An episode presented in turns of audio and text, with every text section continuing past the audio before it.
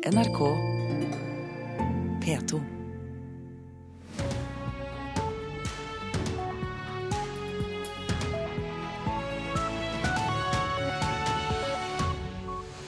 Ja, det glapp for Magnus Carlsen. Det ble remis også denne gangen i sjakk-VM. Mer om det får du også her i Nyhetsmorgen.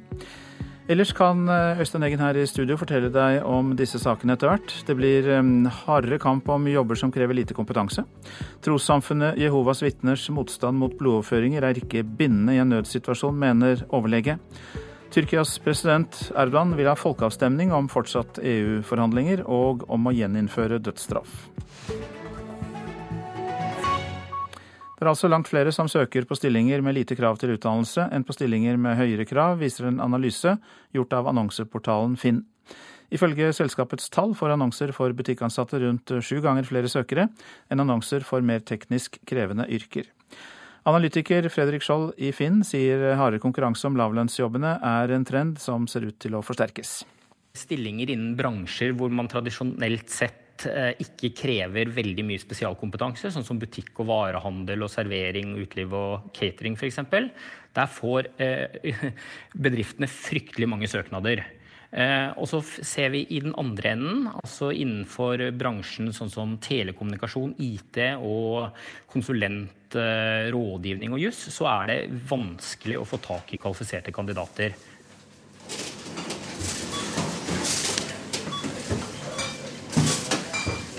Det er altså her, i kassa på dagligvarebutikken, at konkurransen tilsynelatende er som hardest. Ifølge tall fra finn.no får annonser for butikkansatte rundt sju ganger flere søkere enn annonser for mer teknologisk krevende yrker. Helt i tråd med det vi ser, sier NHO-sjef Kristin Skogen Lund. Vi har sett det ganske lenge, og det er nok et bilde som dessverre forsterker seg. Du sier dessverre. Hvorfor det?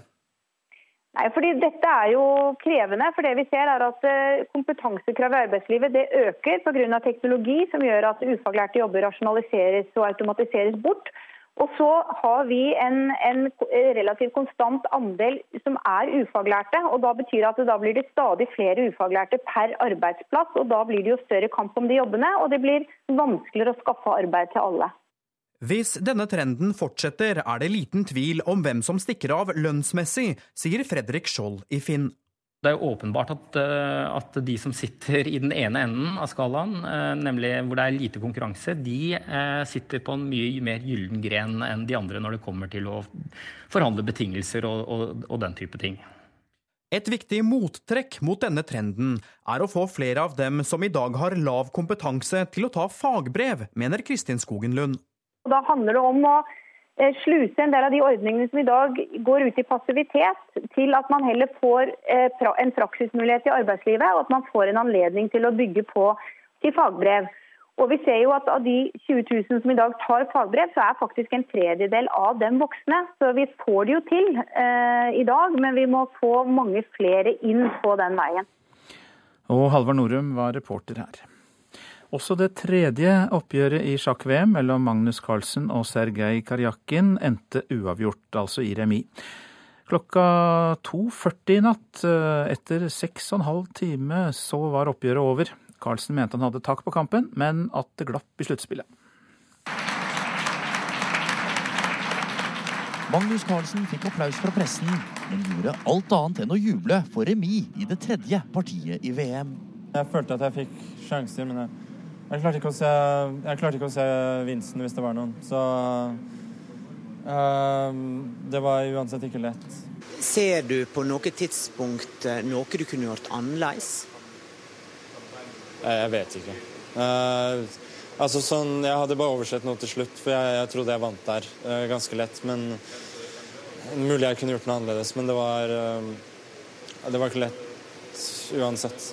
Den regjerende mesteren satte Sergej Karjakin under press med hvite brikker, og lå lenge godt an til å ta partiet. Men flere dårlige trekk mot slutten gjorde at det ble remis etter over seks og en halv time ved sjakkbrettet. Men selv om det har blitt tre remis av tre mulige så langt, kom smilet mot slutten av pressekonferansen. Yes, absolutely. Reportere Emil Gukild og Ole Rolfsrud. Trossamfunnet Jehovas vitners motstand mot blodoverføring er ikke bindende i en nødsituasjon. Det sier overlege Ulf E. Kongsgård ved Oslo universitetssykehus til Vårt Land i dag. Trossamfunnet Jehovas vitner mener Bibelen forbyr blodoverføring. Dersom et medlem skulle trenge øyeblikkelig hjelp, kan han nekte å motta blod, ifølge en paragraf i pasientrettighetsloven. Flere av medlemmene har derfor et kort i lommeboka som gjør det klart at de uansett situasjon ikke skal motta blod. Men motstanden mot blodoverføring er ikke bindende i en akutt situasjon. Det sier overlege Ulf E. Kongsgård ved Oslo universitetssykehus til Vårt Land. Han sier at i en nødsituasjon hvor man ikke har mulighet til å snakke med pasienten på forhånd, vil helsepersonell være forpliktet til å gi blod når det er fare for liv og helse. Kongsgård mener helsepersonell må kunne forsikre seg om at dette er et selvvalgt, veloverveid og en varig overbevisning. Er pasienten bevisstløs, vil vi derfor gi blod dersom det er nødvendig, sier Kongsgård til Vårt Land. Rolf J. Furuli i Jehovas vitner sier til avisen at dette ikke er akseptabelt, og at det kan få et rettslig etterspill hvis en lege ignorerer blodkortene deres. Og reporter var Julianne Bråten Mossing. Vi har ikke glemt eh, avisen i dag heller. Her kommer noen overskrifter. Pensjonsselskapet Silver rømmer landet for å redde kundenes pensjoner, er oppslaget i Dagens Næringsliv. 20 000 kunder kunne ha mistet sine fripoliser etter de nye kravene til avsetninger, men nå er pensjonene reddet fordi Silver etablerer seg i Liechtenstein. Slipper da unna de norske særkravene. Budsjettkampen kan ende med regjeringskrise, sier en kilde i Fremskrittspartiet til Klassekampen. Støttepartiene Venstre og Kristelig Folkeparti skal ifølge kilden snakke om å trekke seg fra samarbeidsavtalen. Internt i Høyre er det også strid, ifølge Dagsavisen. Torbjørn Røe Isaksen og resten av programkomiteen møter motstand fra flere fylkeslag for forslaget om å beholde deler av formuesskatten, og det blir også strid om pelsoppdrett og barnetrygd. På en veistrekning på Sørlandet skal det koste 207 kroner i bompenger å kjøre 68 km, kan Dagbladet fortelle. Norges Automobilforbund, NAF, mener bompengene under den blå regjeringen er ute av kontroll. Rushtidsavgiften i Kristiansand har ført til at bare 14% av bilistene har endret reisevaner, viser en rapport gjengitt i Fedrelandsvennen. FrPs Christian Eikeland sier det bekrefter at rushtidsavgiften fungerer mer som et inntektssug enn et effektivt virkemiddel for å få ned biltrafikken. Donald Trump skaper forvirring, er oppslaget i Aftenposten. EU kalte inn til møte for å vise samhold etter Trump-sjokket, men i stedet ble det avdekket dyp uenighet i Europa. Donald Trump går ikke til kamp mot homoekteskap, er oppslaget i avisa Dagen. Trump er tidligere blitt oppfattet som motstander av eh, homoekteskap, men sier nå at saken er avgjort i Høyesterett og at det er greit for ham.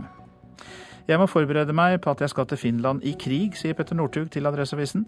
Han venter seg spørsmål om doping under verdenscupåpningen i Kusamo, men sier at han ikke skal stå med lua i handa, og at han har hatt sin beste sesongoppkjøring noensinne. Nå er spørsmålet hvordan helse- og omsorgstjenestene kan bli bedre. Det stilles av eh, bl.a. statsminister Erna Solberg og helse- og omsorgsminister Bent Høie i dag. De kaller inn til innspillsmøte med fagfolk og brukere. Men aller først er du her, Bent Høie. Velkommen. Tusen takk for det. Er det ikke bare å bevilge mer penger til helsevesenet der det trengs, framfor å invitere til møte for å snakke om det? Nei, fordi Det som vi skal snakke om i dag, eh, det er et eh, ganske stor utfordring i den norske helsetjenesten. Vi har jo en veldig bra helsetjeneste, men en av utfordringene våre er at vi har for stor variasjon i kvalitet, eh, pasientsikkerhet. Og det handler i veldig liten grad om, om penger, men rett og slett at vi ser f.eks. så har vi fått lagd en helseatlas som viser forbruk eller bruken av dagkirurgisk inngrep det er mye høyere sannsynlighet for å få operert skulderen i Møre og Romsdal enn i Oslo. Det kan ikke forklares med utgangspunkt i penger. Eh, og dessverre så er det jo sånn at for mange av disse pasientene så skulle de aldri hatt en skulderoperasjon. Eh, fordi de skulle heller hatt fysikalsk eh, behandling. Så som helseminister så er det et paradoks for meg at mange pasienter står unødvendig lenge i kø og venter på en operasjon som de aldri skulle hatt. Hvordan skal du da få dette tilbudet til å bli mer likt over hele landet? Jeg, for, jeg, tror at punkt én er å eh, få fram kunnskap om variasjonen. Eh, og så må vi engasjere eh, pasienter og fagfolk i en diskusjon om hva er forklaringen bak variasjon, for det er ikke all variasjon som er uønska. Eh, og så gjøre en del tiltak. Et av de tiltakene som vi har gjort allerede, er jo å gjennomføre pakkeforløp på kreft. Det var òg et område der vi så at det var for stor variasjon i måten pasientene ble møtt på. Pakkeforløp for kreft har bidratt til å rette opp det, og vi ser nå at pasientene forteller at de er nå mer fornøyd med behandlingen de får, enn det som de var før pakkeforløpet ble innført. Hvilke andre områder kan det komme pakkeforløp på? Vi starter nå opp å lage pakkeforløp innenfor rus og psykisk helse. Psykisk helse er òg et område som vi løfter fram på dagens toppmøte. Der er det jo et område der vi ser f.eks. at det er stor variasjon i bruk av tvang, og at det er for høy bruk av tvang mange steder, og feil bruk av tvang. Eh, og det er et alvorlig problem. Tvang er, eh, skal være siste utvei, mens vi ser nok dessverre at enkelte steder er det ikke det. Og Da må vi finne måter å jobbe på for å unngå det. Vi har jo hørt at sykehuskøene er blitt kortere, men også at køene har vokst innenfor noen av sykehusene. Altså at folk får sitt første møte raskere med sykehuset, men at det deretter tar lengre tid. Hva kan vi gjøre med det? For det første så har køene vokst, eh, ikke vokst i sykehusene. Tvert imot. I Helse Sør-Øst, som har målt dette, så ser vi òg at ventetiden i sykehus går ned, og at pasientene i større grad får oppfylt sine avtaler i sykehus. Så min politikk handler om ikke bare å redusere ventetiden til sykehus, men òg ventetiden i sykehusene. Og Det handler nettopp om å ha bedre planlagte pasientforløp. Eh, og Det tror jeg vil være et av de svarene som kanskje kommer opp på dagens toppmøte, og eh, for å redusere variasjon, nemlig å få bedre eh, planlegging og styring av pasientforløp. Bent Høie, du blir med Nyhetsvåren videre denne morgenen, for du skal bl.a. være med i Politisk kvarter om temmelig nøyaktig en time. Ikke sant, programleder Trond Lydersen? Det skal du. Og spørsmålet der er kan Donald Trumps valgstrategi brukes her hjemme i Norge? Nei, sier Høie, som har uh, skissert sine sju anti-Trump-grunner til at han kan bli noe som helst her, en type som han. Men jo da, sier Arbeiderpartiets uh, Trond Giske. Hvis regjeringen fortsetter med sin politikk. Det blir debatt om uh, Trump og trumpisme eventuelt i Norge, om nøyaktig en time. Takk skal du ha, Trond Lydersen og Bent Høie. Klokka er altså kvart på sju, og vi har disse hovedsakene. Langt flere søker nå på stillinger med lite krav til utdannelse enn på stillinger med høyere krav. Ifølge finn.no får annonser etter butikkansatte sju ganger flere søkere enn annonser for mer teknisk krevende yrker. Også det tredje oppgjøret i sjakk-VM mellom Magnus Carlsen og Sergej Karjakin endte uavgjort i remis, altså.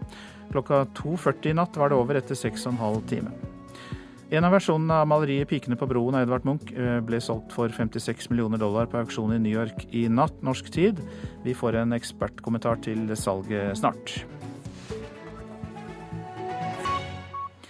Nå om at et medlem av den russiske regjeringen er arrestert mistenkt for grov korrupsjon. Aleksej Uljakev er minister ansvarlig for økonomisk utvikling og skal ha mottatt penger tilsvarende mer enn 15 millioner norske kroner i forbindelse med salg av eierandeler i et statlig oljeselskap. Og Morten Jentoft i Moskva, det kan se ut som en alvorlig sak? Ja, dette er en uh, alvorlig sak uh, som dominerer fullstendig russiske medier her på morgenen. Uh, dette er jo den mest alvorlige kan du si, korrupsjonsanklagen som noen gang har vært mot en russisk politiker. Og ikke siden kuppet i 1991 har da et regjeringsmedlem blitt arrestert på denne måten her. Sånn at dette er en stor sak. Som du sa, det dreier seg om økonomiministeren i Russland, Aleksej Oljukajev. et betrodd betrodd medlem av den russiske regjeringen, men som altså skal ha mottatt store pengesummer eh, for å sørge for at et, eh, en overføring av eh, eierandeler, salg av eierandeler i et oljeselskap kontrollert av staten, blir, går gjennom og blir overført til et annet russisk oljeselskap, Rosneft, det største, som også er kontrollert av den russiske staten. Men det er jo da åpenbart ikke bare denne politikerens involvering i dette, men det er vel også hele denne overtagelsen av eierandeler som er omstridt? Ja, Den er omstridt eh, fordi at det dreier seg da om eh, oljeselskapet Basjneft Eh, som holder til øst ved Oralfjellet her i Russland. Eh, dette oljeselskapet ble også på en noe tvilsom måte eh, overtatt av statlige interesser i 2014. Nå ønsker altså Rosnefta å overta kontrollen av Basneft. Dette har vært omstridt i den russiske regjeringen og det russiske politiske miljøet. Mange mener at selve denne overtakelsesprosessen den bryter med prinsippene om en åpen økonomi. Og er et eksempel på at Russland er på vei tilbake til en fullstendig statskontrollert økonomi. Sånn at vi skal jo ikke se bort fra at det som har skjedd i går kveld og i natt, altså arrestasjonen av økonomiministeren, har en sammenheng også med en politisk dragkamp, en politisk maktkamp, helt på toppen i det russiske samfunnet. Eh, hva skjer med Uljukajev? Er han bak lås og slå? Hva skjer videre i denne saken? Ja, Han kan jo vente seg en, en, en tiltale her, og det antydes en, en strafferamme på mellom 8 og 15 år. Sånn at dette er en svært svært alvorlig sak. og Det blir spennende å se hva som skjer videre i denne saken. Mer opplysninger kommer sikkert utover dagen. Morten Jentoft i Moskva, takk skal eh, du ha. Nå Tyrkia. President Recip Recep Tayyip Erdogan vil ha folkeavstemning om å fortsette EU-forhandlingene og om å gjeninnføre dødsstraff. Da EUs utenriksministre samlet seg for å diskutere hvordan de skal håndtere et stadig mindre demokratisk Tyrkia, så svarte Erdogan med å foreslå at Tyrkia forlater forhandlingene om EU-medlemskapet. La oss være tålmodige ut året, og så går vi til folket som har suvereniteten. Til og med Storbritannia henvendte seg til folket, og britene sa 'la oss gå ut'. Nå er det vår tur, sa president Recep Tayyip Erdogan i går. Erdogan truer med brexit før landet er medlem av Den europeiske unionen. Men så er også tyrkerne grundig lei av å banke på døren til et mer og mer motvillig EU-vertskap. EU-landene på sin side ser med stadig større skepsis på utviklingen i Tyrkia. Uh, uh,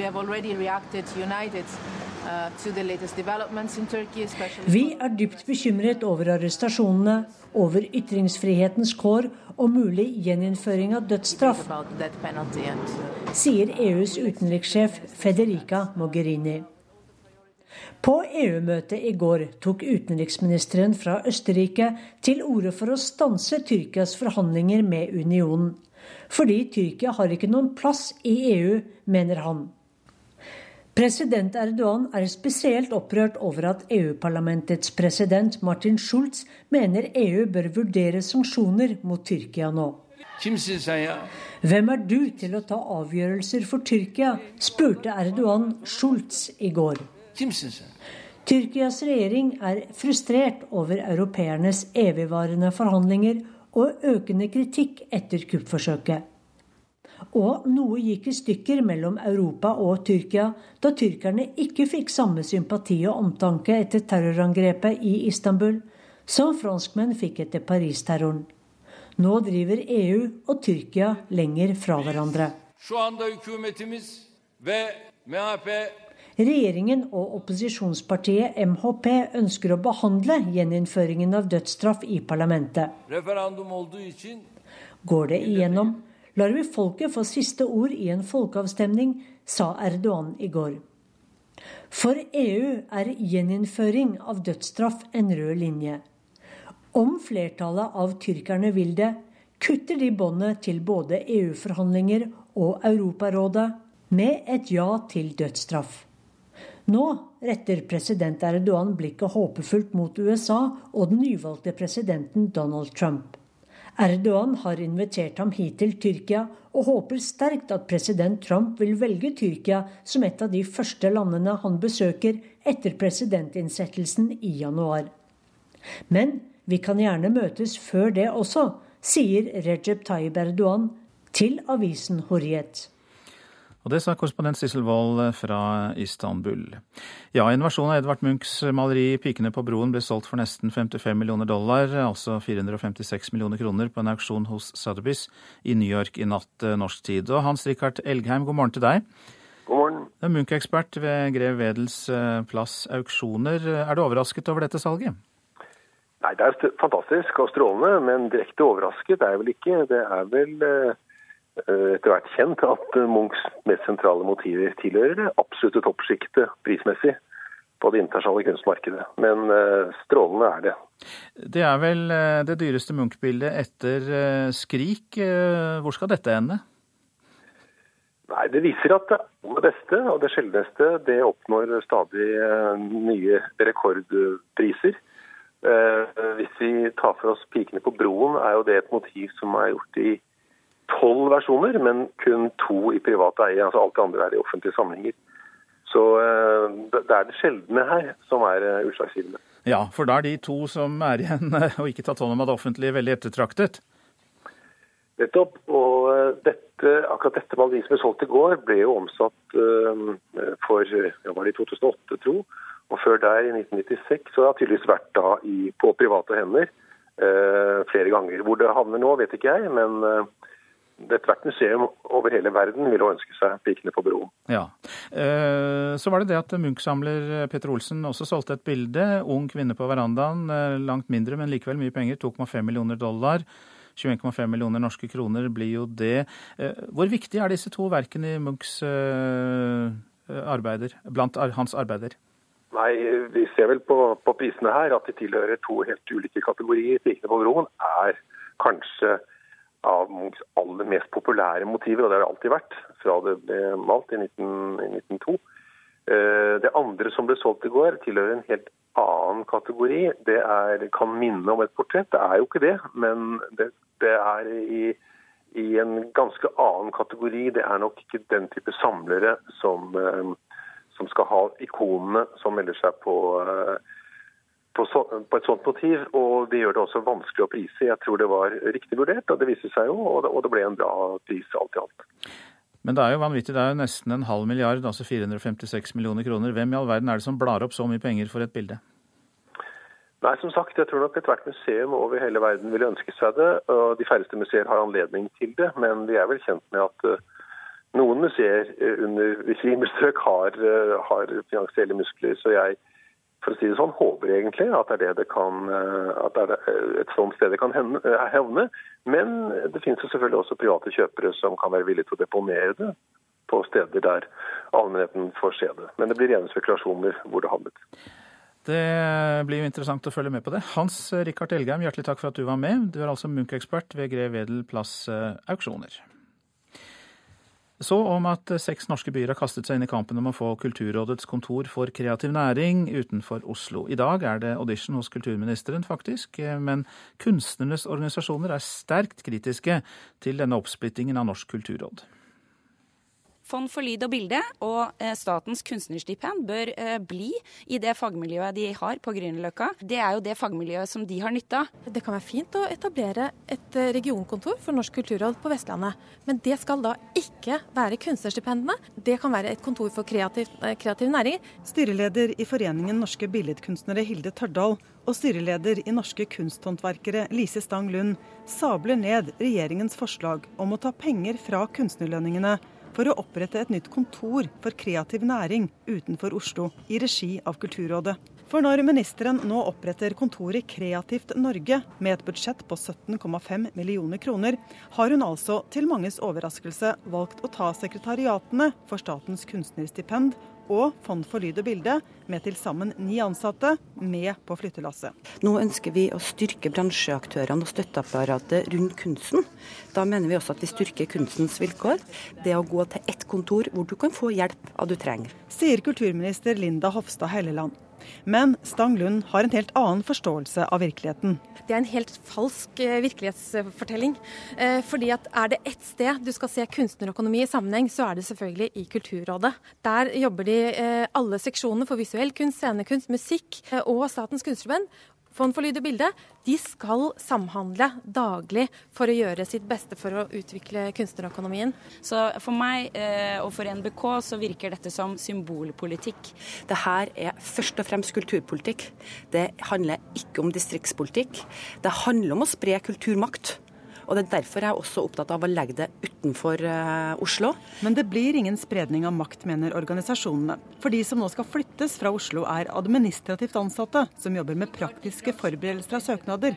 Makten sitter hos fagkomiteene som faktisk behandler stipendsøknadene. Og de har ingenting med flyttingen å gjøre, påpeker Stein Bjelland, som er styreleder i Fond for lyd og bilde.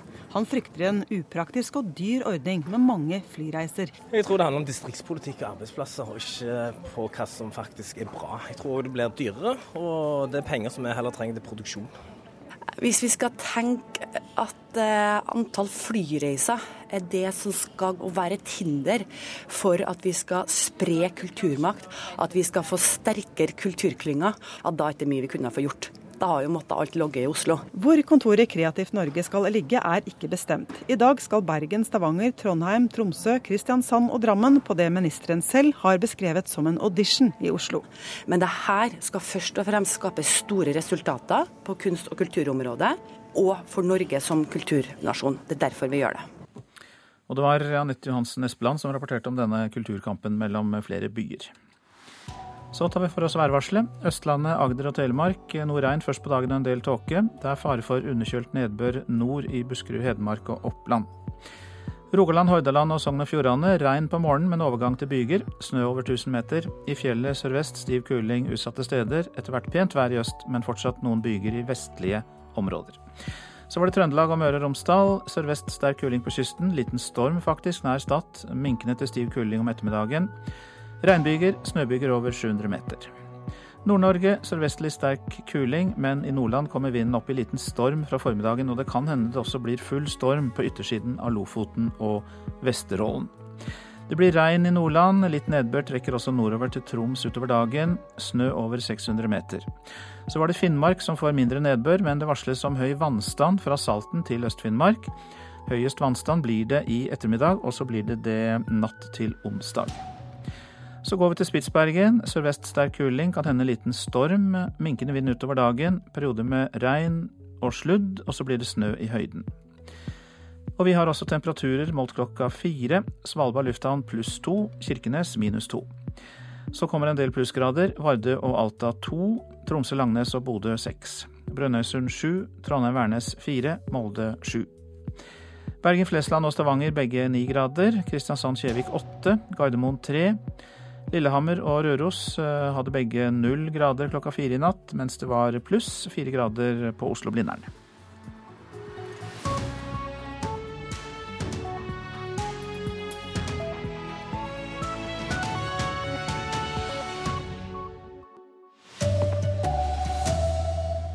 Misbruk av medikamenter er den viktigste grunnen til at helsearbeidere mister autorisasjonen.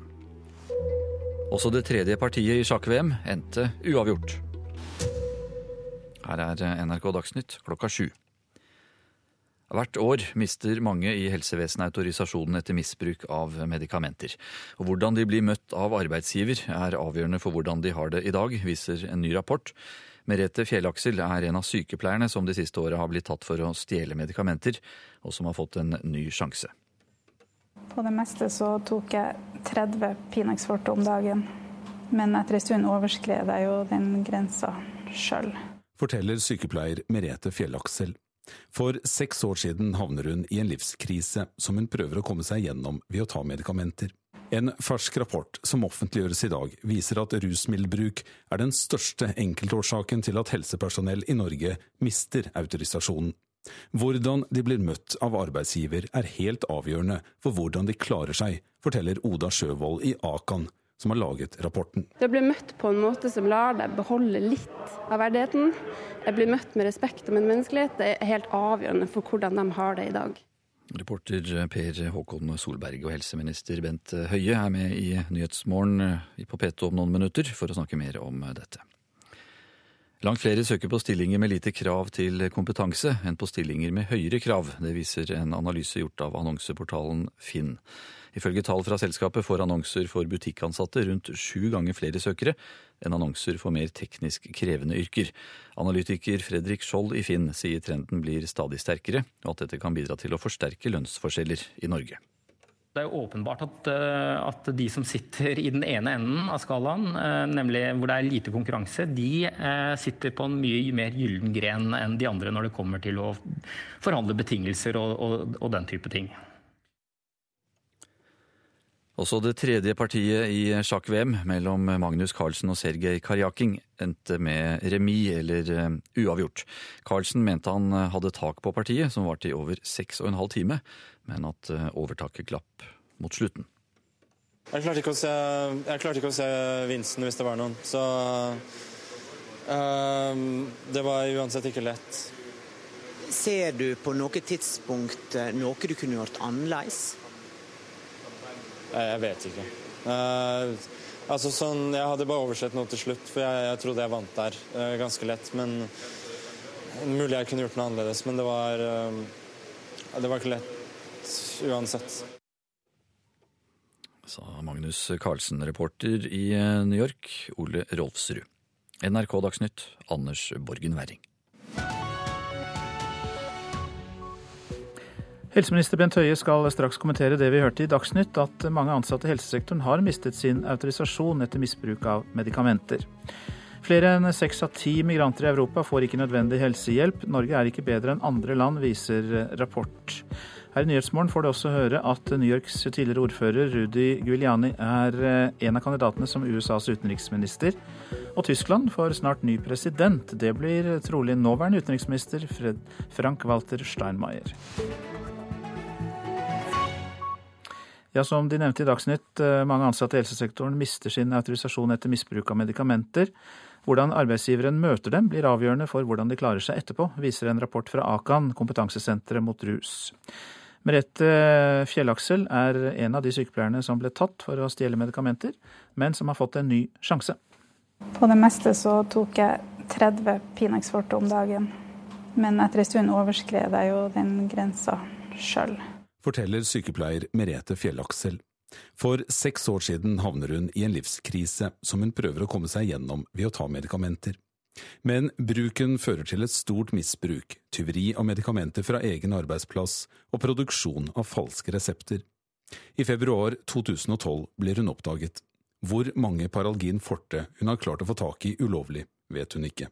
Jeg vet ikke. Mange hundre tabletter det kom selvsagt som eh, et sjokk på oss alle sammen. Eh, hun var et, eh, en betrodd medarbeider og hadde stor tillit.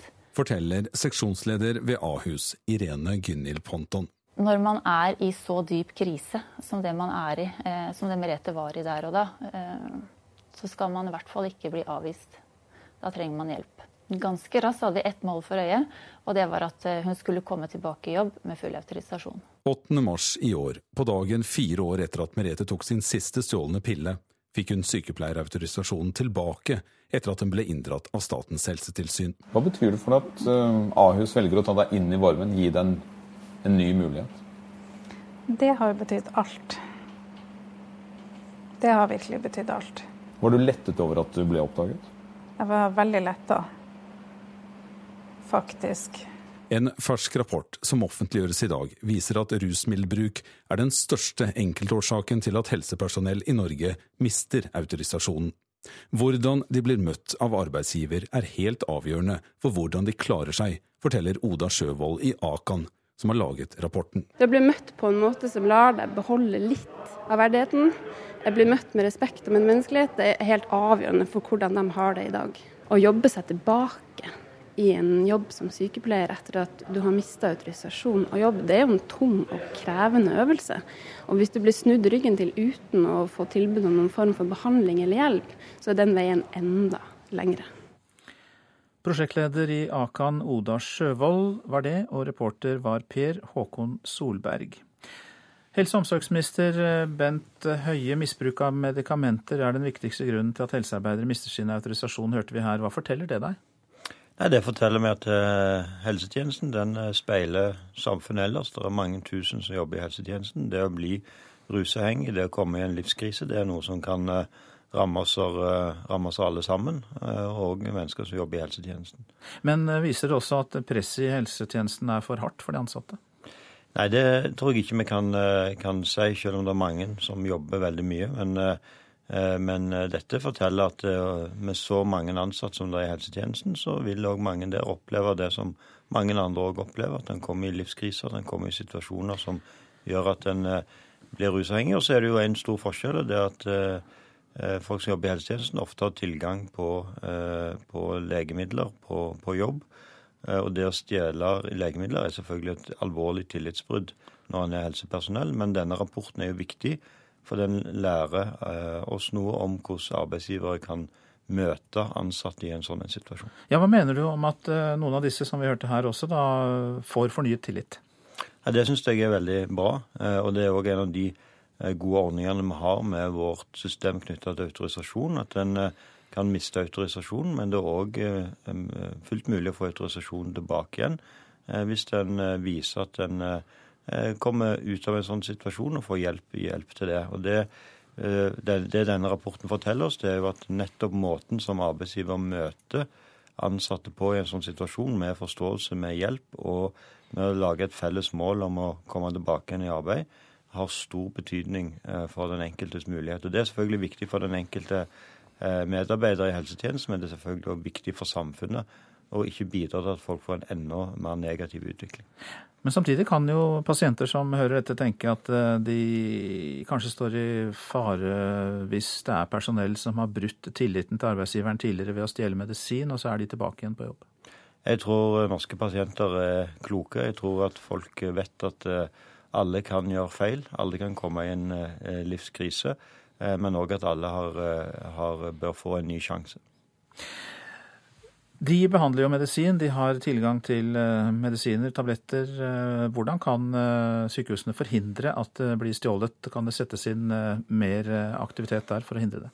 Ja, og det gjøres det mye. En tar bl.a. i bruk ny teknologi som gjør at en har mye mer kontroll med dette. Og Det er òg en av årsakene til at det er så mange som, som mister autorisasjon pga. dette. Fordi det er ganske gode kontrollsystemer som gjør at en oppdager eh, den type misbruk av tillit.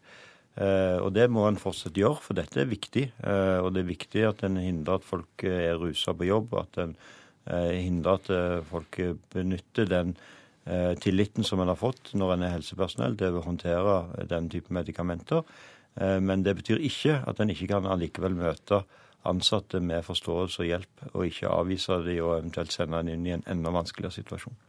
Takk skal du ha, helse- og omsorgsminister Bent Høie. Nå om at eh, gravide og barn på flukt i Europa ikke har tilgang til helsehjelp. Det er en undersøkelse blant 9000 eh, migranter i Europa, også i Norge, som viser det. Over eh, seks av ti får ikke nødvendig helsehjelp, ifølge nettverket Verdens leger, MDM. Flyktningleiren Dunkirk i Frankrike. Her er det lite med mat og dårlig med helsehjelp. Folk kommer til å dø, vi forsøker desperat å holde de i live, sa en av hjelpearbeiderne til NRK i januar. Nå bærer det mot en ny vinter. Legenettverket MDM har intervjua 9000 flyktninger og migranter i tolv europeiske land, inkludert Norge. 67% hadde ikke tilgang til helsehjelp, Årsaken var mangel på tolker, systemsvikt, lite kunnskap om helsevesenet i landet og økonomi. Etter menneskerettighetene så har du rett på nødvendig eh, helsehjelp, men vi ser jo at det svikter. Sier folkerettssjef i Røde Kors Mats Harlem. Han mener rapporten tegner et godt bilde av hvordan det har vært også i Norge siden flyktningkrisa i fjor. Mange asylsøkere har ikke fått nødvendig behandling, sier han. De psykiske lidelsene disse menneskene har vært igjennom, må man ikke undervurdere. Det var mye snakk om eh, altså mange som blir gravide, som trenger hjelp. Eh, men det kan også være mer alvorlig, altså om det er kreft, om det er smittsbare sykdommer. Så det er liksom hele aspektet her. Altså, dette holder ikke, dette kan ikke være eh, Norge verdig. Og det vil komme økte asylankomster til Norge. Da må vi være bedre forberedt enn det vi var høsten eh, 2015. Ja, Hva vil du synes om du ikke fikk helsehjelp når du trengte det? Eh, jeg syns det er farlig, og jeg syns det sier noe om det norske samfunn hvis man ikke klarer å yte det. Svein Aarseth er fastlege og leder i Rådet for legeetikk. Nei, altså Hvis du ser på asylsøkere, eh, så er det mange hindringer for at de skal få den helsehjelpen de strengt tatt har krav på. og Det innebærer organisering av helsetjenesten. Det innebærer i hvilken grad asylsøkerne har kunnskap om helsetjenesten i Norge. Og eh, så er det jo da ofte en kommunikasjonsbarriere fordi man trenger eh, tolk. Det er Helsedirektoratet som har hatt ansvaret for helsehjelpa under flyktningkrisa i fjor.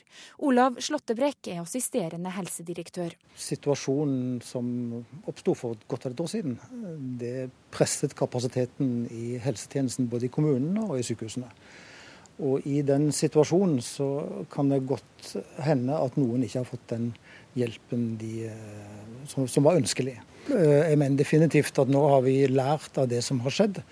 Eh, og vi bruker den læringen til å legge planer og til å forberede oss bedre i tilfelle noe lignende skal skje igjen. Reporter her, det var Marit Gjelland. Og Jon Ole Martinsen i NOAS, Norsk organisasjon for asylsøkere, du er med oss. Kjenner du deg igjen i dette problemet? Ja, absolutt. Vi ser det at helsetjenester både for asylsøkere og også personer som har vært gjennom asylsystemet, er manglende. Det har vært avdekket alt fra alvorlig somatisk sykdom til behandlingstrengende traumer som ikke har fått den nødvendige helsehjelpen her i Norge. Men hvor lett er det å organisere denne helsehjelpen? Eh, det er jo folk som uh, tross alt kommer uh, til landet, kanskje skal de ut igjen? Det er viktig da å ha et godt organisert. En av de tingene som vi savner, og som vi mener ville vært svært viktig for å få gitt god helsehjelp, det er en tidlig kartlegging. UDI og Helsedirektoratet foreslo selv at en 20 minutters samtale ved en helsefagarbeider ved ankomst ville kunne gjort at man får kartlagt mye bedre hvilke behov, og tilrettelagt mottak og tilrettelagt i forhold til kommunen for å sørge for at man får den helsehjelp man har behov for. Det har dessverre ennå ikke fått på plass, og det er et konkret tiltak som vi mener politikerne bør ta tak i fort. Men hvis vi går til eh, lover og regler, eh, hva har en asylsøker rett til av helsehjelp? En asylsøker som er under prosessen eh, og har like rettigheter på helsehjelp som andre som er bosatt i kommunen. Det betyr både i forhold til fastlege og eventuelt spesialhelsetjenesten. Men når man får endelig avslag, og man av forskjellige grunner ikke returneres eller kan returneres, så mister man den hjelpen, eller den retten. Da har man kun rett på livsnødvendig og akutt hjelp. Ja, Da hjelper jo ikke den 20-minutterssamtalen du var inne på i stad, som kunne vært et tiltak. Hvilke andre tiltak trenger man da for å hjelpe dem som har fått dette avslaget, og som ikke har den retten? Det, altså For de som ikke har den retten, så dreier det seg om en mindre gruppe enn eh, den totale eh, asylsøker, eh, de som søker om asyl. En tidlig kartlegging vil hjelpe alle, fordi at da vil man i den perioden man er asylsøker, kunne få den behandlingen man har behov for. Når det gjelder de som har endelig avslag, så er det behov for å se på forskriftsendring for å sørge for at de også får den helsehjelpen som de har behov for. Flere mottak legges nå ned. Hvordan vil det kunne virke inn på situasjonen? Det er en annen bekymring som vi deler. for at Skal man kunne nyttiggjøre seg av de rettighetene man har, så er man avhengig av å få god informasjon om det og god veiledning. Mottakene er eh, sentrale i det. Det er mange mottak nå som har god kompetanse, lang erfaring, som risikerer å måtte legge ned.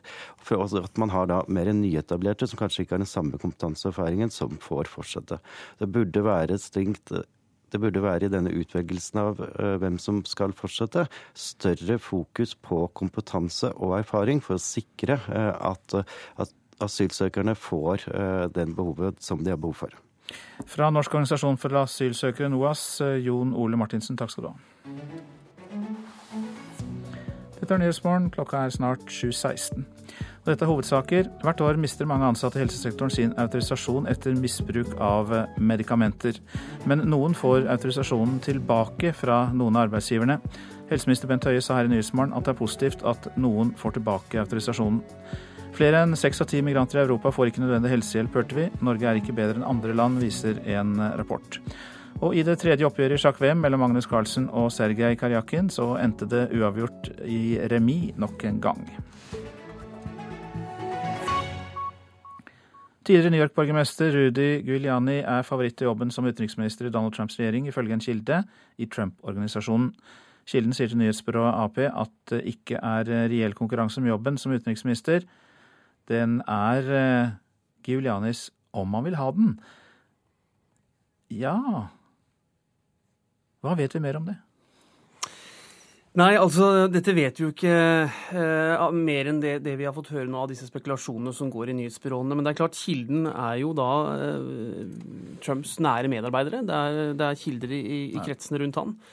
Og eh, det som blir sagt, er jo da at han han, Rudy Giuliani er, er da en, en, veldig attraktiv kandidat til denne utenriksministerjobben. Og han har jo også fått spørsmål om dette selv i går kveld på et arrangement han var, eh, han var da i, i, Washington, hvor han ble spurt om han kunne tenke seg en slik jobb. og, og eh, Han svarte unnvikende, og så ble han også spurt om hvem vil være en god kandidat. Og da svarte han at kanskje meg, jeg vet ikke. Og Dere som er utenriksmedarbeidere Erik i KVM, dere følger jo med på utenrikspolitikken. og Da er jeg spent på hva slags utenrikspolitikk vi får med Guliani.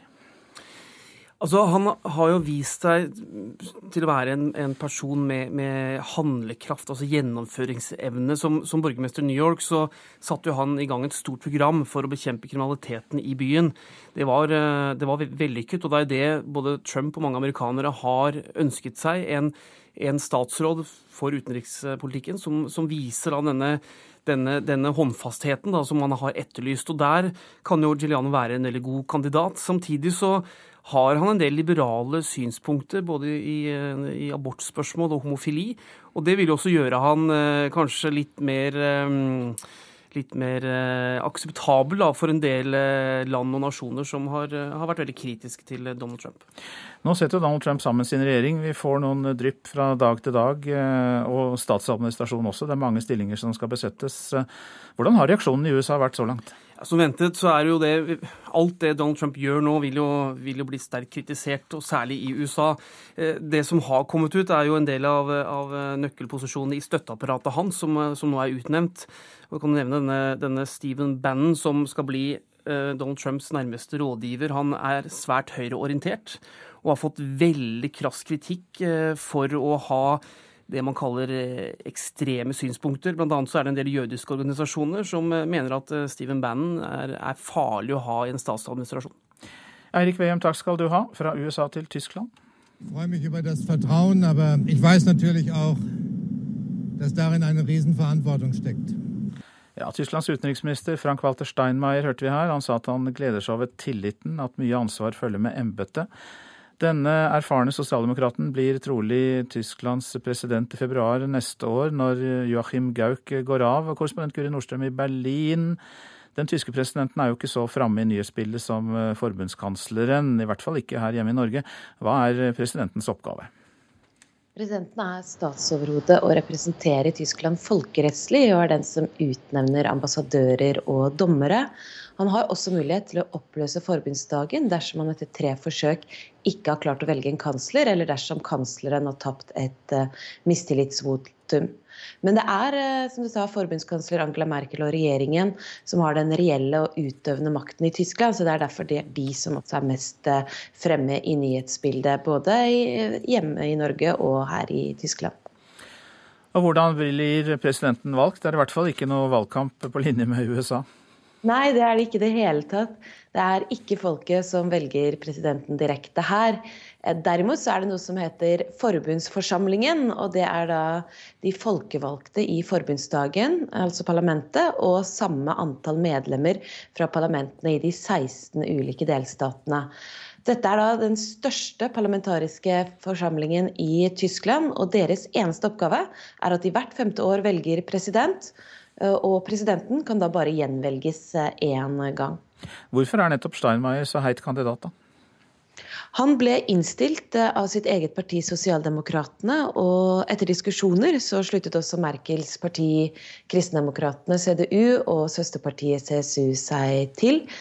Disse tre partiene har flertall i forbundsdagen, og dermed også da i denne forbundsforsamlingen. Så når de er enige om dette, så er det nok det som går igjennom. Og da blir selve avstemningen, som skal være i midten av februar, den blir mer som en eh, formalitet å, å regne. Hva slags eh, politikertype er Frank Walter Steinmeier? Han er for tiden den mest populære politikeren her i Tyskland, og den utenriksministeren som har hatt tredje lengste fartstid. Og nå som da etter alt å dømme blir eh, president, så er nok det også en indikasjon på at Merkel kommer til å stille til valg som forbundskansler igjen eh, neste år. Fordi Steinmeier kunne ha vært en tøff konkurrent i det valget, men nå som han går over i en annen post, så har ikke Sosialdemokratene noen kandidat som ser til å ha noen sjanse mot uh, Merkel. Så spørsmålet nå er jo hvem som blir utenriksminister etter Steinmeier. For det er en post som blir veldig viktig, særlig etter da valget i eh, USA. Da tar vi en ny samtale med deg om det etter hvert. Korrespondent i Berlin, Guri Nordstrøm, takk skal du ha. Mens eh, klimatoppene velger å fly når de skal til klimakonferansen i Marrakech, er det noen som prøver å komme seg dit på en litt mer miljøvennlig måte. Konferansen er eh, det første forhandlingsmøtet etter toppmøtet i Paris i fjor. Mathilde Klemetsen i gruppa Spire, eller eh, den frivillige organisasjonen Spire, har reist med tog i fire døgn for å slippe ut minst mulig CO2. Jeg skal jo på klimaforhandlinger, Og her skal jeg prøve å kommunisere til land at de må kutte ned på CO2-utslippene sine. Og ved å ta tog tenkte jeg at da kan jeg faktisk vise akkurat hvordan man slipper ut mindre CO2. Dette er et av Mathilde Klemmetsens egne opptak på togturen fra Oslo til Marrakech. Hun tar den tungvinte og grønne veien til klimaforhandlingene. Togturen har rundt 80% lavere utslipp enn det flyturen har, ifølge en utregning Spire har gjort. Flyreisen ville hatt rundt 690 eh, kilo CO2-ekvivalenter, mens denne turen, som er fire dager lengre, likevel har rundt 100 kilo CO2-ekvivalenter. Ved å ha følt på det og opplevd alle problemene som ligger ved å kjøre en masse tog, så kan jeg kanskje bedre formidle dette til politikere og de som forhandler Parisavtalen. Når NRK møter Klemetsen på togstasjonen i Marrakech, har hun reist i ca. 92 timer. Deltakere på konferansen skal stille strenge krav til politikere om utslippskutt. Og Klemetsen sier at det hadde føltes motsigende å fly fram og tilbake. Og jeg kunne ikke stå inne for å fly ned til klimaforhandlingene og skulle prøve å formidle til land at de måtte kutte ned på sine utslipp. Og så skulle jeg slippe ut masse CO2 bare på reisen ned for å prøve å formidle det. da. Johanne Sætren Hauge i Naturvernforbundet er blant de mange tusen som flyr til klimakonferansen. Hun mener man ikke har infrastruktur som er god nok i Norge og Europa til å reise så langt med tog. Nei, det er litt vanskelig å komme seg hit uten å fly. Eh, jeg hadde ikke fire dager til å reise med tog, så da, da ble det sånn. Det, man får jo ofte høre om 'do walk the talk'. Men da glemmer man litt det fokuset om at det handler om politiske beslutninger og strukturene bak også. Eh, og, og, da må man jo faktisk jobbe og pushe for at man får politikere som tar klima på alvor. Denne reportasjen var laget av Kirsti Haga Honningsøy. Så var det det avisen er opptatt av. Pensjonsselskapet Silver rømmer landet for å redde kundenes pensjoner, er oppslaget i Dagens Næringsliv. 20 000 kunder kunne ha mistet sine fripoliser etter de nye kravene til avsetninger men nå er pensjonen reddet fordi Silver etablerer seg i Liechtenstein og slipper unna de særnorske kravene. Budsjettkampen kan ende med regjeringskrise, sier en kilde i Fremskrittspartiet til Klassekampen. Støttepartiene Venstre og Kristelig Folkeparti skal ifølge kilden snakke om å trekke seg fra samarbeidsavtalen med Høyre og Frp. Internt i Høyre er det også strid, ifølge Dagsavisen. Torbjørn Røe Isaksen og resten av programkomiteen møter motstand fra flere fylkeslag for forslag om å beholde deler av formuesskatten. Det blir også strid om pelsoppdrett og barnetrygd. På en veistrekning på Sørlandet skal det koste 207 kroner i bompenger å kjøre 68 km, kan Dagbladet fortelle. Norges Automobilforbund, NAF, mener bompengene under den blå regjeringen er ute av kontroll. Rushtidsavgiften i Kristiansand har ført til at bare 14% av bilistene har endret reisevaner, viser rapport gjengitt i Fedrelandsvennen. FrPs Kristian Eikeland sier det bekrefter at rushtidsavgiften fungerer mer som et inntektssug enn et effektivt virkemiddel for å få ned biltrafikken. Donald Trump skaper forvirring, er oppslaget i Aftenposten. EU kalte inn til møte for å vise samhold etter Trump-sjokket, men i stedet ble det avdekket dyp uenighet i eh, Europa. I eh, over to år har Ringshaug ungdomsskole i Tønsberg i Vestfold gitt elevene andre tilbakemeldinger enn karakterer. Læreren mener at elevene lærer mer uten å få arbeidet sitt stemplet med et tall. Og resultatene fra de nasjonale prøvene ved skolen er gode. Da er det masse folkens. Lærer Marit Anita Dahl ser utover klasse 9B ved Ringshaug ungdomsskole. Er vi i modus? Denne klassen, og også hele trinnet, har hevet seg betraktelig i matte siden de startet på ungdomsskolen for over et år siden. Det viser resultatene fra de nasjonale prøvene. Nei, det, vet du hva, det er jeg bare så imponert over. De for et par år siden startet lærerne her en jobb for å gi elevene mer praktisk tilnærming til fagene. Bl.a. fordyper de seg tverrfaglig i ett tema en hel uke hver fjerde uke. Karakterer får de bare til standpunkt ikke på prøver og ikke på innleveringer i løpet av semesteret. Jeg syns det er veldig, veldig bra. Mattelærer Marit sier at elevene nå bryr seg om hva læreren har skrevet om arbeidet deres. Før så de på karakteren, ble glad eller skuffa og putta arket i sekken. Altså Som lærer så bruker man mye tid på retting og tilbakemelding, framovermelding. Og man ser at eh, all den jobben den eh, er ikke verdt egentlig noen ting når karakteren står der. For det er den du bryr seg om å se. Jesper og Pavel syns det er litt rart å bare få karakterer ved standpunkt. Du vet på en måte ikke helt hvor du ligger. Du må på en måte tenke deg fram til fra framovermeldinga, og så må du se litt på sånn eh, kanskje hvordan læreren har vurdert, hvordan han har retta. Og da må du øve mer, da, for at du, du, du, må prøve å få det så godt som du kan, for at du ikke vet hvor du ligger. Vi har fått tilbakemeldinger om eh, flere skoler som jobber med å gi færre karakterer i, løpet av skoleåret.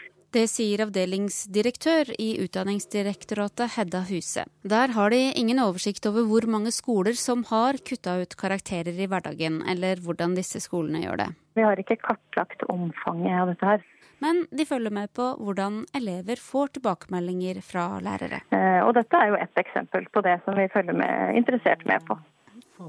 Ja. Her kan du se Inne på kontoret til rektor Mette Krogh ser vi på resultatene fra nasjonale prøver på skjermen.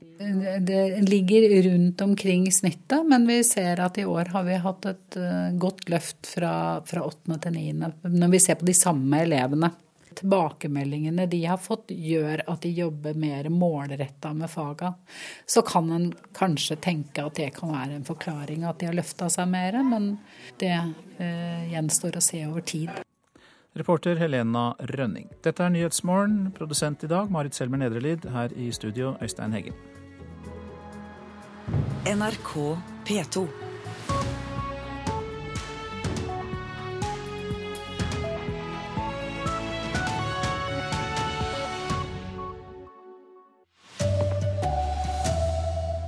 Helsepersonell som stjeler og misbruker medikamenter, bør få en ny sjanse av arbeidsgiver, ifølge rapport.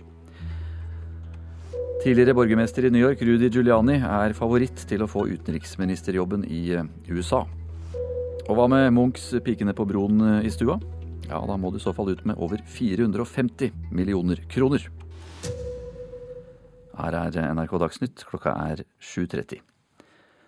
Hvert år så mister mange i helsevesenet autorisasjonen etter misbruk av medikamenter. Og Hvordan de blir møtt av arbeidsgiver er avgjørende for hvordan de har det i dag, viser en ny rapport. Merete Fjellaksel er en av sykepleierne som de siste åra har blitt tatt for å stjele medikamenter, og som har fått en ny sjanse. På det meste så tok jeg 30 Pinex-forte om dagen. Men etter en stund overskred jeg jo den grensa sjøl. Forteller sykepleier Merete Fjellaksel. For seks år siden havner hun i en livskrise som hun prøver å komme seg gjennom ved å ta medikamenter. Men bruken fører til et stort misbruk, tyveri av medikamenter fra egen arbeidsplass og produksjon av falske resepter. I februar 2012 blir hun oppdaget. Det kom selvsagt som eh, et sjokk på oss alle sammen. Eh, hun var et, eh, en betrodd medarbeider og hadde stor tillit. Forteller seksjonsleder ved Ahus, Irene Gunhild Ponton. Når man er i så dyp krise, så skal man i hvert fall ikke bli avvist. Da trenger man hjelp. 8. mars i år, på dagen fire år etter at Merete tok sin siste stjålne pille, fikk hun sykepleierautorisasjonen tilbake etter at den ble inndratt av Statens helsetilsyn. Hva betyr det for deg at eh, Ahus velger å ta deg inn i varmen, gi deg en, en ny mulighet? Det har betydd alt. En fersk rapport som offentliggjøres i dag, viser at rusmiddelbruk er den største enkeltårsaken til at helsepersonell i Norge mister autorisasjonen. Hvordan de blir møtt av arbeidsgiver er helt avgjørende for hvordan de klarer seg, forteller Oda Sjøvold i Akan, som har laget rapporten. Det blir møtt på en måte som lar deg beholde litt av verdigheten. Jeg blir møtt med respekt og med menneskelighet. Det er helt avgjørende for hvordan de har det i dag. Reporter eh, her, det var Per Håkon Solberg. Gravide og barn på flukt i Europa har ikke tilgang på helsehjelp. Det viser en stor undersøkelse blant 9000 eh, migranter og flyktninger i Europa og Norge. Over seks av ti får ikke nødvendig helsehjelp, ifølge nettverket Verdens leger, MDM. Flyktningleiren Dunkirk i Frankrike. Her er det lite med mat og dårlig med helsehjelp. Legenettverket MDM har intervjua 9000 flyktninger og migranter i tolv europeiske land, inkludert Norge. 67% hadde ikke tilgang til helsehjelp, Årsaken var mangel på tolker, systemsvikt, lite kunnskap om helsevesenet i landet og økonomi. Etter menneskerettighetene så har du rett på nødvendig eh, helsehjelp, men vi ser jo at det svikter. Sier folkerettssjef i Røde Kors Mats Harlem. Han mener rapporten tegner et godt bilde av hvordan det har vært også i Norge siden flyktningkrisa i fjor. Mange asylsøkere har ikke fått nødvendig behandling, sier han. Det var mye snakk om eh, altså mange som ble gravide, som trenger hjelp.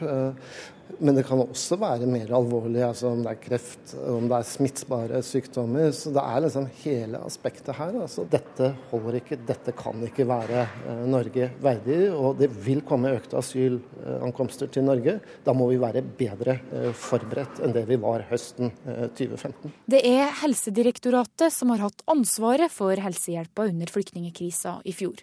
Olav Slåttebrekk er assisterende helsedirektør. Eh, jeg mener definitivt at nå har vi lært av det som har skjedd.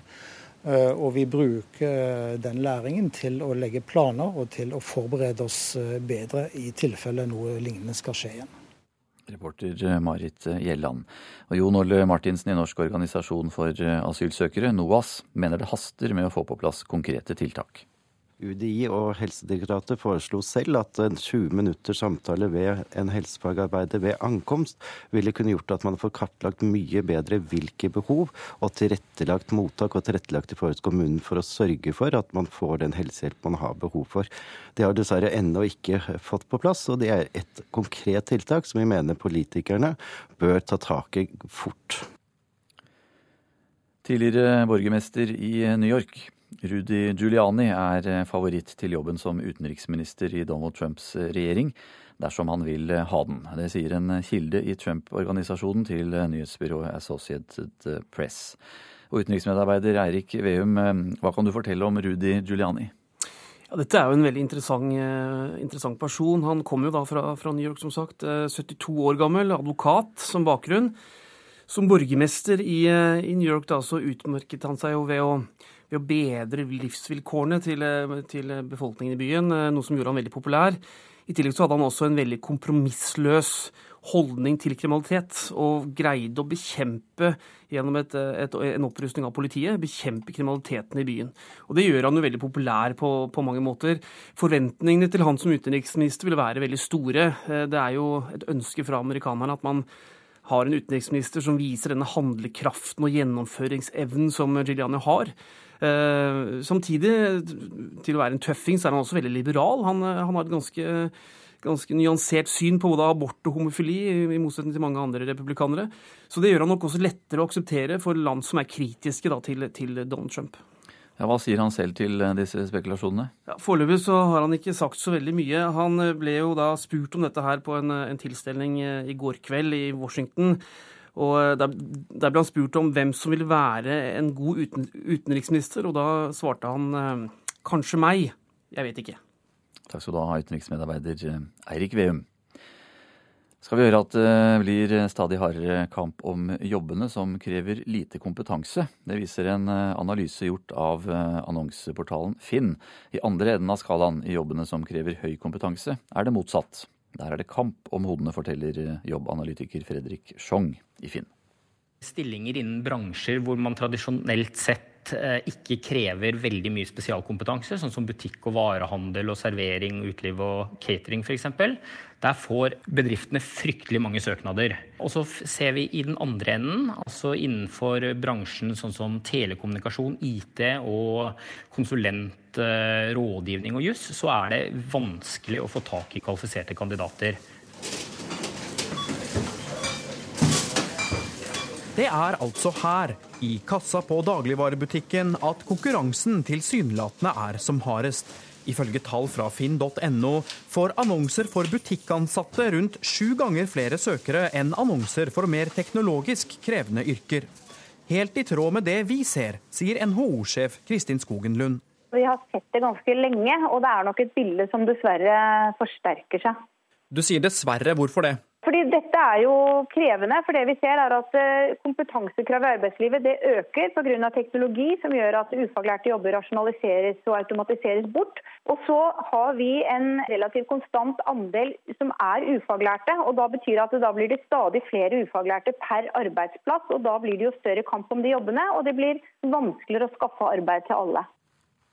Reporter Halvar Halvard Norum.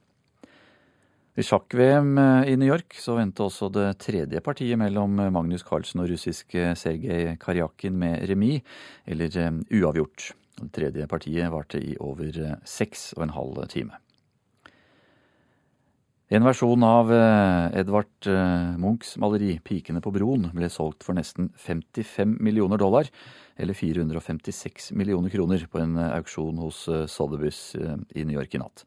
Og dermed er dette det dyreste Munch-bildet etter Skrik. Det er fantastisk og strålende, men direkte overrasket er jeg vel ikke. Det sier Hans Rikard Elgheim, Munch-ekspert ved Grev Wedels plass auksjoner i Oslo. I natt ble Munch-maleriet 'Pikene på broen' solgt for nesten 456 millioner norske kroner på auksjonshuset Sotheby's i New York. 'Pikene på broen' er det nest dyreste Munch-maleriet som noen gang er solgt, bare slått av Skrik, som ble solgt på samme sted for fire år siden. Edward Munch, the screen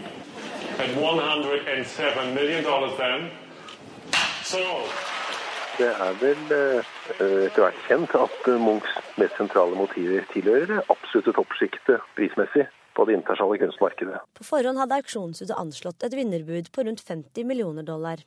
Til slutt ble maleriet solgt for nesten 55 millioner dollar, eller 456 millioner norske kroner. Nei, Det viser at det aller beste og det sjeldneste det oppnår stadig eh, nye rekordpriser. Eh, hvis vi tar for oss 'Pikene på broen', er jo det et motiv som er gjort i tolv versjoner, men kun to i privat eie. altså Alt det andre er i offentlige sammenhenger. Så eh, det er det sjeldne her som er utslagsgivende. Og Munch-maleriet 'Ung kvinne på verandaen' ble også solgt i går. Det gikk for 2,53 eh, millioner dollar. Reporter her, det var Mari Sand Malm. Ansvarlig for NRK Dagsnytt i dag, Ulf Tannes Fjell. Jeg heter Anders Borgen Werring.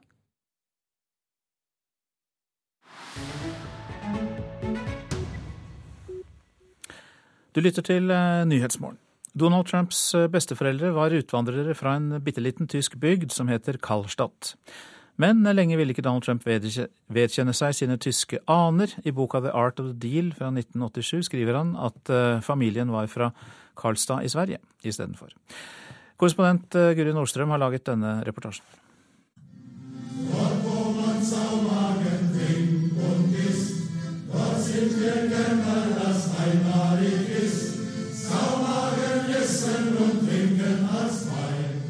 En sang for å hylle delikatessen saumage eller fylt grisemage og vin.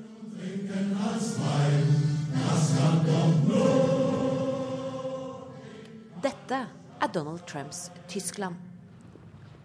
Den lille bygda Kallstadt i Rheinland-Pfalz med 1200 innbyggere sørøst i Tysklands vindistrikt. Kjent for sin spesielle delikatesse, for å ha fostret oppfinneren av Heids ketsjup og for det faktum at Trumps farmor og farfar kom nettopp herifra. Donald Trumps farfar Friedrich Trump forlater bygda som 16-åring i 1885.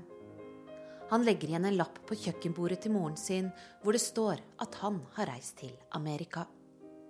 For Friedrich, også kalt Fritz, vil verken bli vinbonde eller barberer etter å ha gått i opplæring. Han er barn nummer seks i en fattig familie og ser ingen umiddelbar fremtid i Tyskland. Friedrich reiser til Yukon-gullgruvene i Alaska for å være med på det store gullrushet. Men han liker ikke å få skitt under neglene selv, og åpner istedenfor en restaurant for gullgraverne, der han kun godtar betaling i gullklumper. Gullklumpene sender han til søstrene som allerede har flyttet til New York, og som bruker dem til å kjøpe opp eiendom. Etter mange år reiser Friedrich tilbake til Karlstadt, men nå velstående og med nytt amerikansk navn, Frederick Trump istedenfor Friedrich Trump.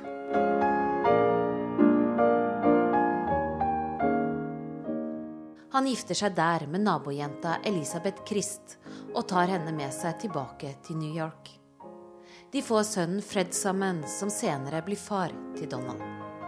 Men Elisabeth får hjemlengsel, og i 1904 flytter ekteparet tilbake til Karlstadt. Lykken blir kortvarig. Ettersom Friedrich aldri har avtjent tysk militærtjeneste, får de heller ikke oppholdstillatelse i gamlelandet. Familien må flytte tilbake til USA, og resten er historie. Lenge var Donald Trump flau over å innrømme at han hadde tyske aner. Men da han ble oppsøkt av den tyske dokumentarfilmskaperen Simone Wendel, som selv er fra Karlstadt, og som var på sporet etter hjembygdas store sønner i filmen 'Kings of Karlstadt', fikk pipa en annen lyd. My grandfather, Frederick Trump, came to the United States in 1885. He joined the great gold rush. He did fantastically well. He loved this country. So they were from Germany. I have great German heritage. I'm very proud of it. Great place, but we all love the United States the best. But you know what? I love Karlstad also. Men USAs påtroppende president har aldri besøkt bygda.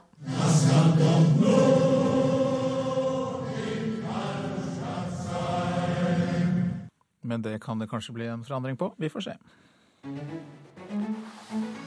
Dette er hovedsaker i Nyhetsmorgen. Helsepersonell som stjeler og misbruker medikamenter, bør få en ny sjanse av sin arbeidsgiver, ifølge Akan-rapport. Den viktigste grunnen til at folk mister autorisasjon, er misbruk av medikamenter. Tidligere borgermester i New York, Rudy Guiliani, er favoritt til å få utenriksministerjobben i USA. Det sier en kilde i Trump-organisasjonen til nyhetsbyrået Associated Press. Langt flere søker nå på stillinger med lite krav til utdannelse. Ifølge finn.no får annonser etter butikkansatte sju ganger flere søkere enn annonser for mer teknisk krevende yrker. Og i sjakk-VM i New York endte det også tredje partiet mellom Magnus Carlsen og russiske Sergej Karjakin med remis. Nå er det Politisk kvarter, og det er ved Trond Lydersen.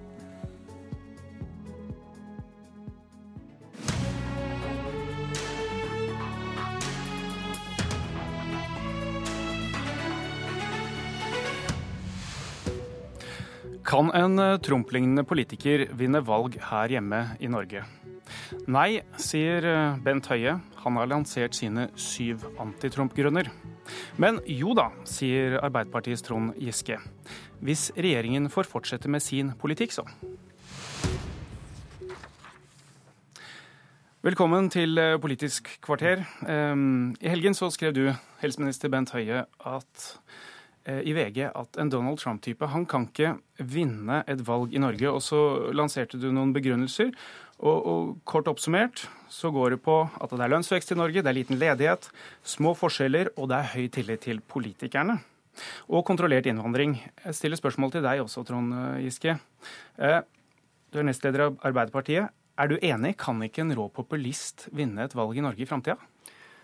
Jeg tror det er ganske naivt å tro at de tingene som gjør Norge til et godt samfunn, er vunnet en gang for alle. Det var beinhardt politisk arbeid som ga oss et samfunn med høy tillit mellom folk, med små forskjeller, med arbeid til alle, med en god velferdsstat. Det var sterk motstand mot mange av de ordningene som ble innført. Og de kan fort brytes ned. Og det er klart at Hvis forskjellene øker, tilliten blir mindre, arbeidsløsheten er stor, så er det grobunn for eh, høyrepopulisme også i Norge. Helt åpenbart. Vi er ikke vaksinert mot det. Det er ikke slik at vi er født til å være verdens beste land eller verdens rikeste land. Det er noe som må gjenskapes eh, hele tida, og det er politiske valg som avgjør. Og Hva er det som gjør at du tror at det faktisk nå kan bli tilfellet? Ja, det som er, altså, jeg tror ikke Trump kunne blitt valgt i Norge i dag, eh, men at ikke noe sånt kan skje i framtida, det er veldig naivt å avvise. Vi ser i andre Fordi... europeiske land at eh, den type ledere faktisk ligger an til å vinne presidentvalget i i Østerrike, kan vinne i Frankrike, kan vinne i Nederland, og selvfølgelig kan det skje også her. Jo, fordi at eh, gradvis eh, så kan samfunnet gå i feil retning. Vi kan få større ulikheter, vi kan få eh, mange arbeidsløse, vi kan få en svekka velferdsstat. Og alt dette bryter ned tilliten og skaper grobunn for mer utrygghet, også for den type demagoger som vi har sett nå i USA.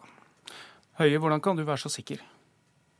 Nei, Jeg opplever jo egentlig at Trond Giske og meg har samme analyse, nemlig at dette er forhold som er viktig i Norge, som utgjør en vesentlig forskjell mellom Norge og USA. Det at vi har uh, små forskjeller.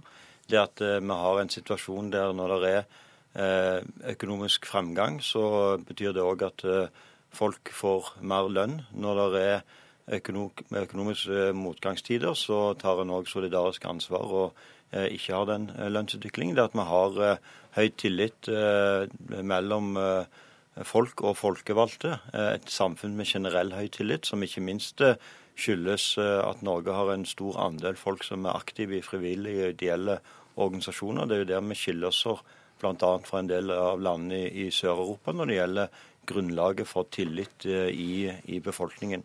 Eh, så opplever jeg at dette er forhold ved det norske samfunn som det er viktig å ta vare på, videreutvikle, trygge for framtiden.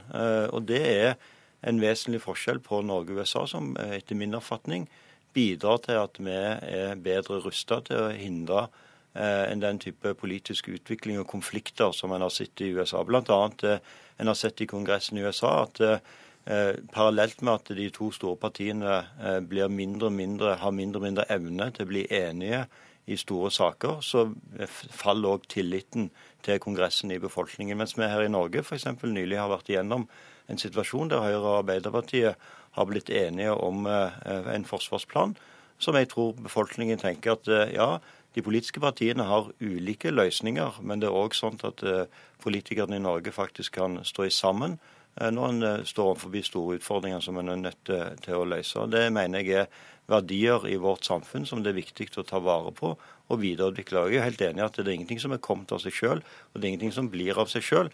Men jeg opplever at det er ganske tverrpolitisk enighet i Norge om at dette forholdet ved det norske samfunn som det er viktig å ta vare på. Og så er det sånn at Trond Giske og jeg har noen ulike løsninger på hvordan vi skal ta vare på det. Men jeg har aldri fortvilt Trond Giskes motiv for at eh, grunnen til at han engasjerer seg politisk, er at han ønsker å gjøre det bedre for folk. På samme måte som jeg håper også at Trond Giske ser at eh, folk som engasjerer seg i Høyre og Fremskrittspartiet, òg gjør det fordi de ønsker å skape et bedre samfunn.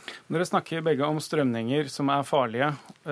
Går Norge nå en riktig vei i forhold til å demme opp for de strømningene? Er dere enige om det? Hva mener du, Giske? Altså For det første så ønsker sikkert alle partier å gjøre det bedre for folk, men vi har jo veldig forskjellig oppfatning om hva som er et bedre samfunn. I et av regjeringspartienes partiprogram, nemlig Frp, så står det jo at det ikke er en politisk oppgave å utjevne de forskjellene som naturlig oppstår i markedet. Det er jo et fundamentalt annen tanke enn det vi har bygd Norge på. Eh, så det er jo forskjell på hvilken retning vi eh, ønsker å gå i. Og Mitt poeng er at vi kommer jo ikke til å bli USA over natta, men en utvikling mot større forskjeller, den går gradvis. Eh, under denne regjeringa har vi nådd en milepæl. For første gang eier de 10% rikeste i Norge over halvparten av all formue. Vi har skattelette i milliardklassen til de aller rikeste. Halvparten av all skattekutt har gått til de 5% rikeste i Norge. Eh, de på toppen får mange, men, millioner, men, men på toppen får mange millioner i skattekutt, mens vanlige folk får noen kronestykker. Er dette så alvorlig at Norge kan bli et splitta land? Ja, men Da er det ganske rart at en som sitter i den regjeringa, skriver at større ulikheter det er eh, farlig.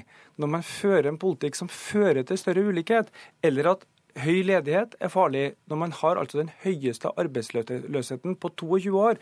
Og det her jeg mener, Forskjell på det man snakker om og det man gjør, blir for stor. Man må faktisk handle som man preker. Hvis man mener at små forskjeller og lav ledighet er viktig, så må man føre en politikk for små forskjeller og lav ledighet.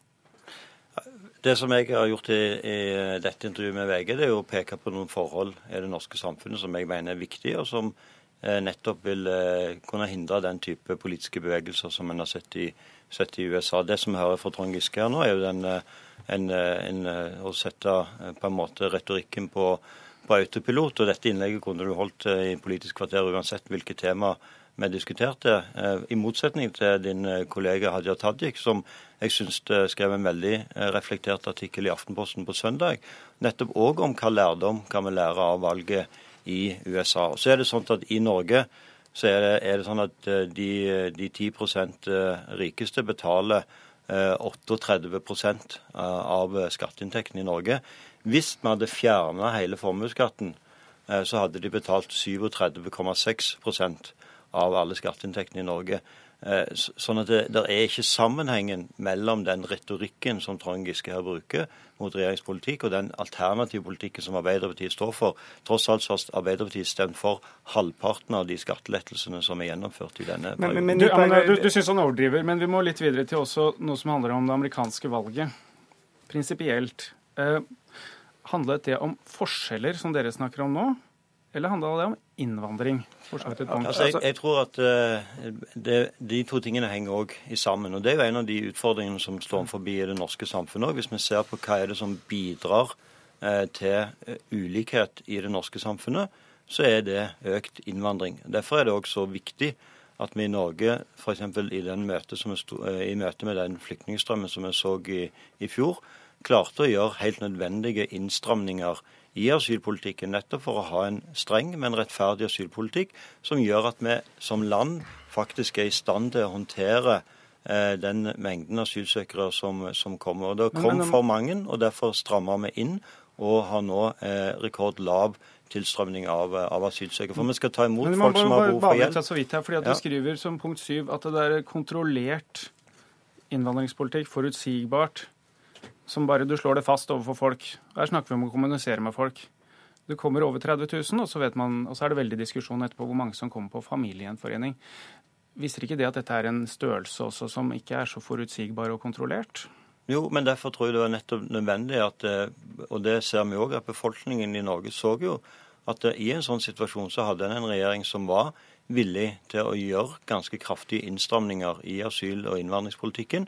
Eh, selv om vi møtte motstand og ganske hard retorikk eh, fra enkelte eh, når vi foreslo det, så så, vi òg at befolkningen var jo enig i de helt nødvendige innstrammingene vi gjorde. Og der ser vi jo at Norge, f.eks. i motsetning til Sverige, har hatt en mye mer åpen diskusjon òg om innvandringens utfordringene, integreringsutfordringene. Og jeg mener at bl.a. så har vi all grunn til å takke Fremskrittspartiet som parti for at de har bidratt til en helt annet klima i diskusjonen òg om utfordringene knytta til innvandring i Norge enn eh, det som, eh, som, eh, som, som vi har sett f.eks. I, i Sverige. Det har jo etter min oppfatning bl.a. kunnet hindre at vi har fått oppbygging av politiske partier som Sverigedemokraterna. Nå, nå er det jo kanskje et parti i emning, hører vi tidligere Frp-lederen komme med nå. Men har, har Frp bidratt her, Giske, til å Altså, Vi har hatt en streng eh, og rettferdig innvandringspolitikk i veldig mange år. og Det forliket som gjelder i Stortinget i dag, og som har bidratt til å kontrollere innvandringa, var faktisk Frp ikke med på. sånn at det er faktisk alle de andre partiene, eller bortsett fra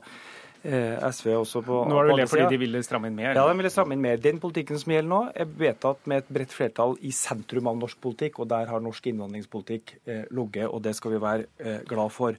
Men er det eh, det bare, bare for å si det, altså, Hvorfor er vi redd for Donald Trump? Jo, noen av oss er jo redd for det for at det er en høyreorientert politikk med store skattekutt, større forskjeller, eh, manglende kamp mot arbeidsløshet osv. Der har jo Høyre og vi litt forskjellig standpunkt. Høyre er jo faktisk i samme internasjonale organisasjon som republikanerne, og Høyre-folk har jo vært over og drevet valgkamp for republikanere, så det er litt annerledes. Men, Men den andre delen, som, den andre delen som gjør at vi er redd for Trump, er jo dette at han bygger opp store konflikter i samfunnet. Snakker om innvandrere som kriminelle, snakker om muslimer som farlige. Benekter klimakrisa og slike ting. Og Men det vil ingen vinne fram i Norge, mener du? Fins det slike folk i Norge? Ja, det gjør det. Det er bare å se deg rundt regjeringsbordet, Bent Høie. Der sitter de, de som benekter klimakrisa, de som snakker om innvandrere som farlige, de som eh, skaper konflikter mellom oss og dem, og som snakker ned muslimer. Det er, du, det er, jo, lettere, det er, lett, det er jo lettere å finne det, ja, men det er lettere å finne vulgære sitat fra Frp-ere enn fra Donald Trump. Det er dem som snakker om eh, at Al Gore er en bløffmaker. Det er dem som snakker om å sette fotlenke på asylsøkere. Dette er Per Sandberg, Sylvi Listhaug, folk som du sitter i regjering med, Bent Høie. Frp. Frp røffere retorikken enn Trump? Nei, altså dette er jo eh, tull. Og det som er eh, utfordringen her, er jo å si at altså En ting er at Trump vant, eh, men det som òg skjedde i USA, det var jo at Hillary Clinton tapte. Eh, og en av årsakene til at Hillary Clinton tapte, var jo nettopp hennes eh, eh, arroganse mot den type bekymringer og frykt som er i befolkningen. Og det er kanskje noe av den arrogansen som vi opplever her fra fra Trond Giske. Og jeg må jo si Det er jo litt spesielt at Trond Giske igjen velger å Og dette er jo en taktikk fra Arbeiderpartiet og Trond Giske. Det å prøve å, å, late som om det er Donald Trump de skal drive valgkamp mot i Norge i valget i 2017, og ikke Erna Solberg fra, fra Bergen. Og Trond Giske var jo ute i juli og skrev en artikkel der han oppfordrer Høyre om å bryte våre forbindelser med Det republikanske parti. Høyre har hatt lange forbindelser både med Det republikanske parti og Det demokratiske parti. Men det som Arbeiderpartiets leder Jonas Gahr Støre gjør i den første spørretimen etter at uh, Trump og republikanerne har vunnet valget i USA, til å utfordre Høyres utenriksminister Børge Brende på hvordan vi skal opprette forbindelser til den nye administrasjonen. Vel, da kan Trond Giske være glad for at Høyre har valgt over tid å ha gode forbindelser både til det republikanske partiet og til det demokratiske partiet, nettopp fordi vi er helt avhengig av å ha et godt forhold til USA, vår nærmeste allierte, Men, uavhengig av hvilke parti som styrer. Vi, da slår vi fast i hvert fall at vi skal ha kontakt med USA og Trump videre. Det var det vi rakk om eh, Forskjells-Norge og populister her. Eh, vi skal eh, over til den politiske hverdagen i Norge nå.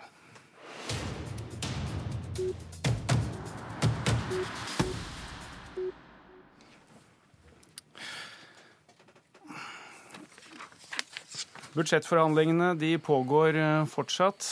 De sitter og handler om litt mindre ting enn eh, de store, store tingene vi snakket om nå.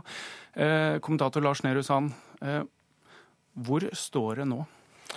Status er fortsatt at det er uh, dette bensin- eller drivstoffultimatumet som er gjentatt inn i rommet til stor frustrasjon for støttepartiene, uh, som er selve hemskoen og som gjør det krevende å, å, få disse forhandlingene i mål. Nå skal det være nye forhandlingsmøter i dag. Uh, regjeringspartiene la i helgen frem sitt andre tilbud så langt i forhandlingene. Det forhandles om mellom 3 og 3,5 milliarder kroner, som, som er det regjeringen har foreslått. Og det å både finne inndekning, og det at sentrum også ønsker innvirkning på større pengesummer, eh, er det som også, det, eh, som også er oppe til debatt i, eh, i møterommet. Da ser vi at det fortsatt ruller på. Det var det vi rakk i Politisk kvarter i dag. Takk til Lars Nehru Sand. Politisk kvarter var ved Trond Lydersen. Hør flere podkaster på nrk.no podkast.